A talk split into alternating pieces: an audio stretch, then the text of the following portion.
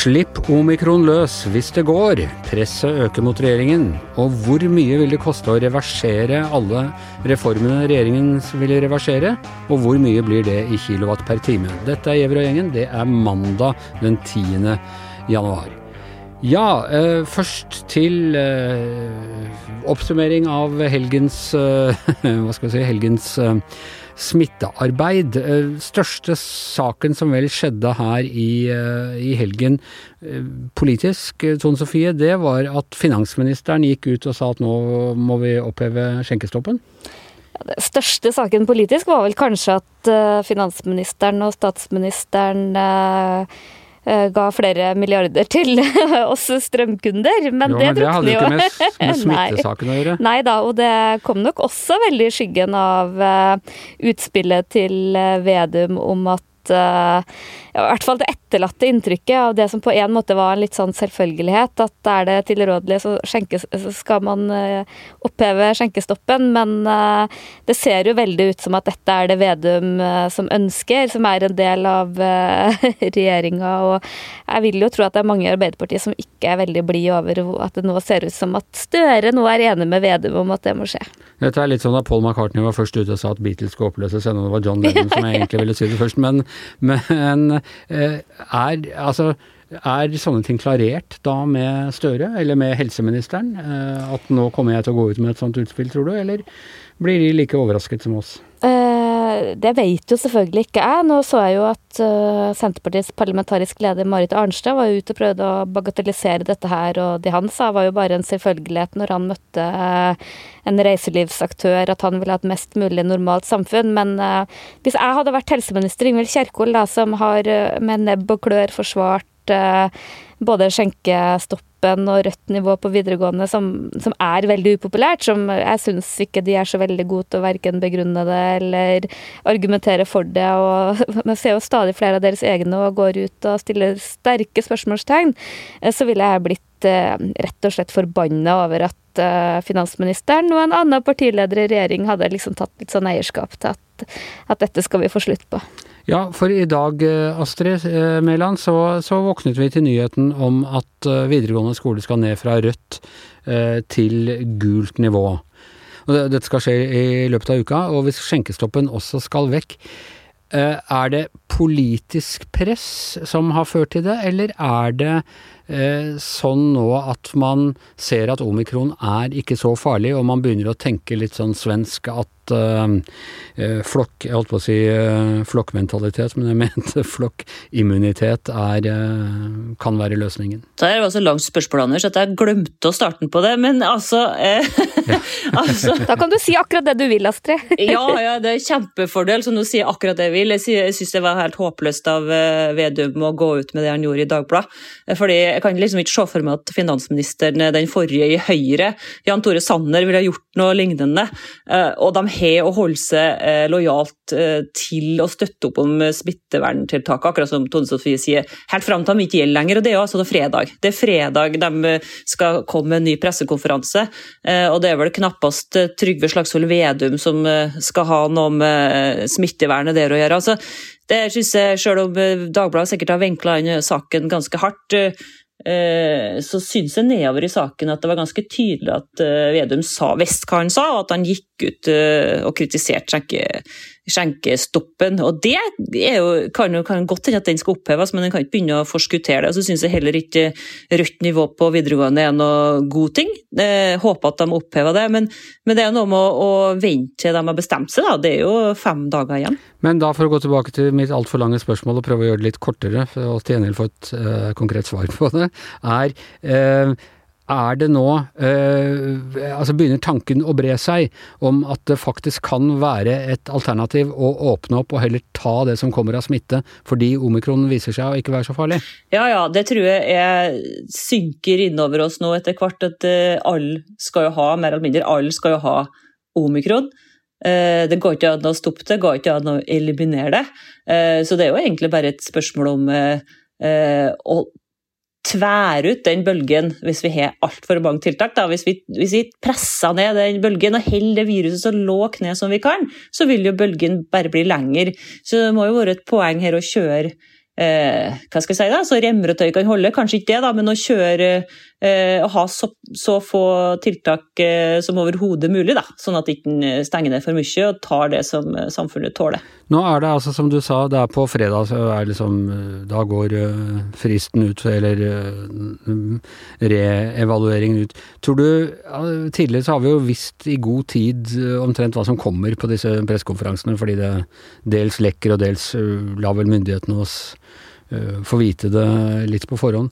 Tror du vi vil få vite det nå sånn i forkant, hva, hva som kommer da? Ja, så Det virker ikke som noen statsråder klarer å holde munn, i hvert fall. Så vi trenger vel ikke jobbe vi i pressen engang. De, de kommer vel bare til å leke det utover uka. Sette opp en mikrofon. ja. Så det blir enkel arbeid enkelt arbeid den uka her. Ja, eh, det er jo interessant dette, eh, Tone Sofie, hvordan altså, hele kommunikasjonsstrategien til regjeringen rundt det, eller, eller mangelen på det. På en måte så føler jeg jo at altså eh, vi Folk at de snakker og viser åpenhet, og eventuelt liksom også kan lufte noe uenighet, kan jo være en styrke for åpenheten og, og tilliten. Men eh, det undergraver også nå litt tilliten til regjeringen, og ikke minst da, som du, du sier, helseministeren og sånn, er, er på en måte kommunikasjonsstrategien til regjeringen ute av kontroll. Ja, det virker jo helt krise. Og um, de har jo som en av sine store kamper denne kampen mot uh, PR-rådgivere. Og nå hadde jeg virkelig uh, unna dem et par, for det, det virker jo helt og, og, jeg har jo sagt det før, jeg, sånn, jeg syns jo litt synd på de som styrer nå, som har fått det her i fanget, sjøl om de for så vidt burde vært forberedt. Det er mye vanskeligere å, å å lede landet. Eh, og det merker du, ikke sant, at folk er ikke redd på samme måte. Flere og flere stiller spørsmål ved ting. Eh, folk er lei. Eh, så de er veldig pressa både på innholdet i selve pandemihåndteringa, om argumentene rundt helsevesenets bærekraft. Vi ser jo at det har endra seg. Men i tillegg da, så sliter de så voldsomt både med å, å ha et samla budskap og et troverdig budskap. Og det er jo eh, Åpenhet om begrunnelsene er jo kjempeviktig men de har jo ikke vært gode på det heller. Sant? Det har de jo fått kritikk for at de ikke har vist kortene på hvilke vurderinger de har gjort. Eh, det har de nå lova litt bot og bedring på nå. Det andre er eh, det virker som de putter helsemyndighetene foran seg når det passer seg, f.eks. om skjenkestopp. Eh, mens når det gjelder rødt nivå i videregående, så har de jo hoppa fullstendig bukk over rådene fra skjenkemyndighetene Nei, fra skjenkemyndighetene, fra helsemyndighetene. Og der virker det som at det er kanskje lærerorganisasjonene og andre de har valgt å lytte til. Eh, og så tror jeg de ser veldig godt at det er et voldsomt press der ute. Deres egne ordførere, eh, vanlige folk og folk flest, som de jo er ganske opptatt av. Og sånn skjønner ikke lenger Man, man klarer ikke å å, se forholdsmessigheten igjen i tallene. Så jeg tror nok det er ganske mange der i regjeringa som gjerne ja, vil ta litt sånn avstand fra sine egne, eh, sine egne smitteverntiltak, da. Ja, Astrid, pussig nok, altså når vi kanskje nå går mot en mer sånn åpne opp og bli ferdig med det, eh, rive av plastillappen, så ser jeg at Sverige de går nå, nå er det mer hjemmekontor, og de setter i gang ganske harde Eh, tiltak nå. Eh, er det mulig for oss å ha en helt annen strategi enn Sverige fremdeles så langt ut i pandemien, når disse, eh, dette viruset bare flyr fram og tilbake over grensen uten å stoppe i tollen og ja, Nå ligner jo den strategien til Sverige litt mer på vår igjen, da, at de stramma til litt. De har jo hatt uh, mildere tiltak enn oss. Norge er vel kanskje et av de landene rundt oss som har strengest tiltak. Har hatt da siden midten av desember, da omikron kom, og de har innført altså rødt nivå på skolene og skjenkestopp og sånn. Uh, det er noen som har lockdown, da. Eh, Nederland og er det et land i Øst-Europa som har det. Men ellers så, så har Norge kjempestrenge tiltak. Det har hjulpet og fått ned smitten, da. men det er jo ikke sikkert at det er poenget framover å få ned smitten så gærent som vi har gjort, når vi ser at eh, sykehusinnleggelsene, og særlig intensivinnleggelsene, ikke følger med. Det er jo det som er så spennende framover. Hvis det er slik med omikron at det ikke gir like mange eh, innleggelser, så trenger vi ikke å ha lik eh, låg smitte heller. Så det er jo det her dilemmaet regjeringa må står i nå, da, å åpne opp og tillate mer smitte. kan være fornuftig framover kanskje avvikle skjenkestoppen og rødt nivå og tillate mer smitte. Samtidig, hvis da plutselig smitten løper helt løpsk, så må man stenge ned igjen? Ja, det kan jo hende det. Altså. Det, det, er vanskelig å si foreløpig. Følger jo ganske godt med på, på særlig på Storbritannia og Danmark, ja, da, for der har de fått omikron før oss, og de har mye mer smitte enn oss. Mye mer innleggelser, men de holder nå innenfor eh, sykehuskapasiteten og helsevesenets bærekraft eh, foreløpig. da. Men så har vi jo sett det med, med, særlig på, i Storbritannia, og der har jo Boris Johnson innført sånne kriselockdowns i siste liten i flere omganger. Og det er jo alvor der, altså for all del. De har satt inn Forsvaret for å hjelpe helsevesenet, de bygger feltsykehus. Altså, det er ikke det er ikke småtteri i denne pandemien, men det er nå en pandemi. Da. Ja, ja vel Forsvaret hjelper jo til her med testing. Det er jo litt interessant, her, vi snakker om at uh, nå er det er Norge det nye Sverige, holdt jeg på å si. Men uh, det nye Sverige er jo Danmark. For de har jo lenge vært uh, de strengeste, om ikke i klassen, så i hvert fall i, i, vårt skandinaviske, nordiske fellesskap. Og nå er det jo Danmark som er mest signaler på det å slippe opp og slippe eh, smitten fri, da. Og jeg syns jo også det er litt sånn interessant med alle disse argumentene, f.eks. om skjenkestopp, som jeg legger ikke skjul på at jeg er litt sånn kritisk til, men jeg hører liksom mange si at det smitter ikke med et glass vin eller sånne ting, og selvfølgelig fungerer det på smitten. Det blir jo mindre smitte av å stenge barer og at folk ikke får gå ut, jo, eller får drikke, rett og slett. Det er jo helt åpenbart. Men spørsmålet er jo er det formålstjenlig. Trenger vi det? Eller er det tåler vi det? Ja, tåler vi det? Og er det tiltak som er uh, Vi skal liksom bare gjøre det vi må for å klare det, og det er liksom der flere og flere stiller spørsmål. Og jeg vil jo egentlig trekke fram Oslos byrådsleder Raymond Johansen, som jeg syns både har vært uh, modig og stilt noen både gode og veldig relevante spørsmål. Og jeg lurer jo litt på om det fins en liten voodoo-dukke av han uh, som de sitter og stikker nåler i nede i Helsedepartementet nå, for det, det regner jeg med at åpna nok ganske mange sluser av kritikere. Tror du det er sånn han fikk korona, gjennom voodoo-greier fra Helsedirektoratet? ja. ja, det hadde vært veldig gøy. Det var, Kanskje de smitta han med vilje? De ja. lurte inn et si sånn, Nå sprer vi en alles liten konspirasjonsteori, og ja, etter å ha skrevet om både korona og strøm i helga, så vet jeg at det er mye sånne type teorier ute og går i samfunnet. Det kan hende at Raymond Johansen nå er styrt av en sånn Microsoft-chip av Bill Gates eh, direkte. Men det vet vi ikke, så det skal vi ikke drive og, og, spekulere i. Men mye tyder på det. Mye tyder, ja, eller vi, vi, vi, vi kan verken bekrefte eller avkrefte det. Nei. Eh, du, eh, midt oppi alt dette her, altså du nevnte jo også den, den nye strømpakka og, og sånn, som drukna litt i at, at uh, Vedum skulle åpne pubene. Men en, en annen ting regjeringen holder på med, det er å innfri et av de store valgløftene sine, de, og som vi tøysa mye med egentlig hele valgkampen, at, at regjeringen skulle få sin egen reverseringsminister. Så fikk de 19 isteden, si. Så fikk, har de fått 19, eller i hvert fall 15-16 reverseringsministre. Altså domstol eh, domstolsreformen, hvor man, hvor man, slo sammen en rekke eh, domstoler. Den eh, skal nå utredes raskt om, om, de skal reversere. Det vil kunne koste inntil 75 millioner kroner for å gjøre om på da noe som akkurat er eh, gjennomført. Eh, og så har du, har du, da oppløsning av da, fylkene, da særlig Viken, i tre nye fylker, kan vi kanskje ikke kalle dem, dele opp i tre gamle fylker. Og det vil også koste flere hundre millioner kroner. Og dette virker det som om de eh, Altså her bare ruller eh, prosessen eh, videre.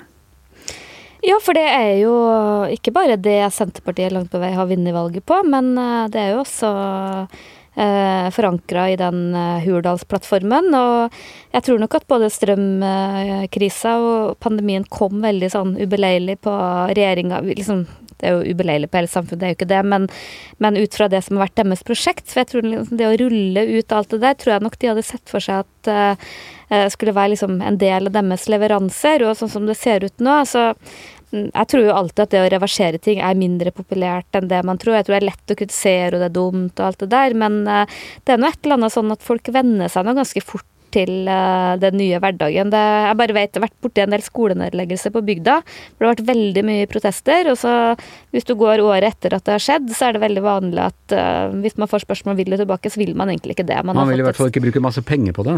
Nei, men ofte så vender du forstørre i fagmiljøet, og du ser fordelen og litt sånn Ja, sånn er det nå ofte, da. Det er jo, men uh, både med disse fylkene og også med domstolene, så ser jeg jo at både de faglige argumentene Jeg vet ikke om jeg kan si at det er så veldig mye faglige argument ute og går med fylker. Det er vel mer sånn uh, hvor mye penger skal man bruke på noen ting som uh, neppe kommer til å bli en supersuksess hvis man uh, går tilbake til de gamle fylkene. Men når det gjelder domstolsreformen, så er det jo ganske mange også faglige råd som tyder på at det her var fornuftig å gjøre. Ja, altså spørre deg Astrid, du, jo, du bor jo i et område som ble tvangsoppslukt av uh, Trøndelag uh, uh, for noen år siden. Og hvordan opplev, Var det motstand mot det da det skjedde, og hvordan oppleves det nå?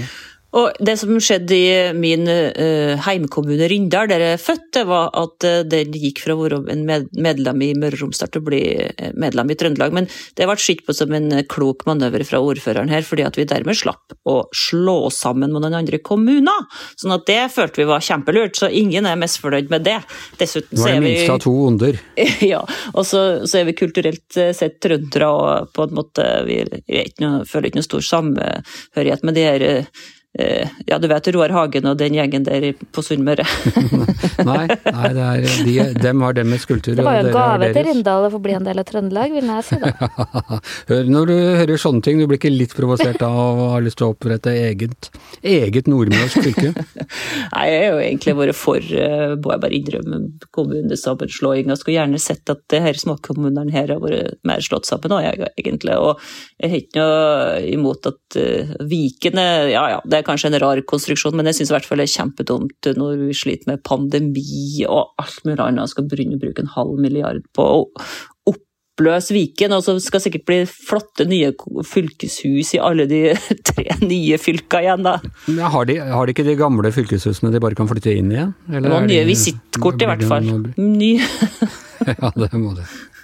Og, ja, men og nettopp, altså, Tone Sofie, ja, altså, hvis ting hadde gått som man hadde trodd, liksom at pandemien var eh, over og strømprisene hadde holdt seg på et sivilisert nivå, eh, ville det da vært en eh, god sak, tror du? Eller er det uansett det der med å reversere, det ser bedre ut på valgkampprogrammet enn eh, i praktisk politikk? Mm. Nei, eh, jeg tror, eh, jeg tror, uansett at det ikke ville vært en så god sak som de har sett for seg, i hvert fall. For det eh, Nå tar jo alle kriser tar jo liksom all oksygen ut av rommet, men, men jeg tror man overvurderer den der gevinsten av sånn, Min hjemkommune var jo i sin tid tvangssammenslått av fire kommuner. Og det er jo ikke en sjel som kunne tenkt seg tilbake Eh, til det. Men liksom, det er jo alltid liksom, en del faglige argumenter med denne domstolsreformen. Så i hvert fall de signalene jeg får fra de langt fleste, er at uh, saksbehandlingstida går ned. Uh, fordi man kan bruke ressursene mer på tvers. Uh, man opplever når man blir flere ansatte, at det er lettere å ta fri eller være syk en dag fordi det er flere å spille på. At det er at de, også de fordelene oppleves. Da, så tror jeg kanskje det ligger litt i vår menneskelige natur, uten at jeg vet at eh, vi, liksom, vi protesterer mot forandring. Jeg bare jeg tror jeg har sagt det før, jeg sier det gjerne igjen. Jeg var veldig motstander av å legge ned postkontoret på min heimplass, eh, som var åpen en halvtime hver dag. Eh, fem dager i uka, og syntes at det var forferdelig at du mista postkontoret. Men liksom når du ser på det tilbudet man har i dag med post i butikk døgn, nærmest døgnet rundt og nettbank Ja, så er det et eller annet med at ja, man mister på en måte noe, og det er noen emosjoner knytta til noe, men du får også noen ting. da, så jeg, jeg tror liksom den der tilbakeskuinga ikke er så vellykka som det kanskje høres ut. Og det betyr jo ikke at alle reformer er fantastiske og velbegrunna. Den forrige regjeringa gjorde mye rart, og burde absolutt tatt mer hensyn til både distrikter og sånn, og helhets i sine vurderinger. Men eh, jeg tror nei, det er liksom noe med å få det der inn på tubbene. Jeg, jeg tror ikke det blir det samme. Jeg husker En av de første politiske reformene jeg husker i mitt liv, det var innføringen av lørdagsfri. Inntil da så gikk vi på skolen og sånne ting eh, på lørdager. Oi, nå var høres du veldig gammel ut. Ja, jeg er ganske gammel. Eh, og i, jeg tror det var rundt 1970 eller 71 så ble det innført at vi skulle ha fri på lørdager. Og da protesterte studentorganisasjonene og sånne ting mot det, for de mente det var et eller annet med effektivisering og liksom det gikk utover et eller annet og vi fikk dårligere undervisning og sånne ting. Og jeg tenkte etterpå, den, er, den hadde vært lei å reversere den Ja. med, med lørdagsfri, det tror jeg ikke du hadde, hadde vunnet så mye på. Men vil de gjennomføre dette? Eh, F.eks. domstolsreformen? Ja, Det som er litt alarmerende der, da, er jo at uh, de sier at de ikke har bestemt seg for om det skal ut på høring eller ikke. og og, og det syns jeg jo er Da kan det virke som de ikke ønsker disse faglige rådene. Og det er jo sikkert en og annen storenskriver ute i, på Senja og Sogn og hvor vet jeg, som uh, kanskje ønsker seg tilbake. Men jeg har inntrykk av at uh, det store flertallet av av, eh, av domstolene. Og det var jo ikke en veldig sånn massiv sentralisering. Det var jo mye mindre dramatisk enn det, det domstolene sjøl ønska. Så, så det virker for meg at det der er en sånn prestisjesak som de bare skal gjennom for det de lova. Så eh, lensmannskontor gjenåpne, veldig usikker på. Jeg har ikke hørt noe veldig derfra. Men så er jeg jo veldig spent på disse fylkene. Troms og Finnmark er jo helt åpenbart, sjøl om eh, det kommer til å bli så Ja, selv om no, noe av Finnmark kanskje Ja. ønsker å bli igjen i Troms? Ja, jeg tror vel kanskje ikke det skjer, men eh, de, de har så mye utfordringer i Finnmark med både økonomi og struktur, og ikke minst befolkning. Men det har vi snakka om før. Men eh, Viken er jo virkelig nødt nå. Det som virkelig har satt uh, uh, fyr i teltet innad i regjeringa nå, er jo at uh, Akershus Arbeiderparti, styret der, som består av både Anniken Huitfeldt, utenriksminister Tonje Brenna, som er kunnskapsminister, og også han Halvard Ingebrigtsen, som er statssekretær. Og nå kommer jeg ikke i farta på hvilket departement.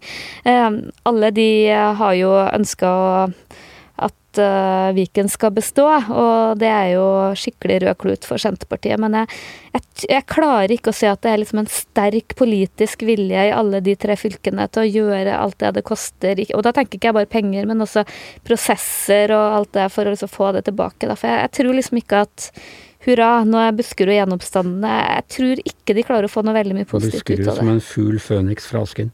Uh, eh, men regjeringen skal i hvert fall ha for vilje til å holde valgløftene sine. De har, altså, de har kutta ut PR-medarbeidere, så de har en litt dårligere kommunikasjonsstrategi. De skal gjennomføre disse poengene her. Nå venter jeg på den til Vedum lovet jo at eliten skulle hindres i å møtes. Ja, men det er skjenkestoppen, det, da. Det er skjenkestoppen, selvfølgelig. Ok, da skal de i hvert fall ha for at de, at de leverer på, på valgløftene sine, eh, denne regjeringen. Eh, Giæver og gjengen er over for i dag. Takk til Astrid Mæland på hjemmekontoret. Takk til Tone Sofie Aglen som var her i studio.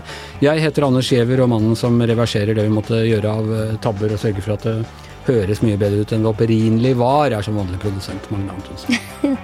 Det er faktisk helt sant.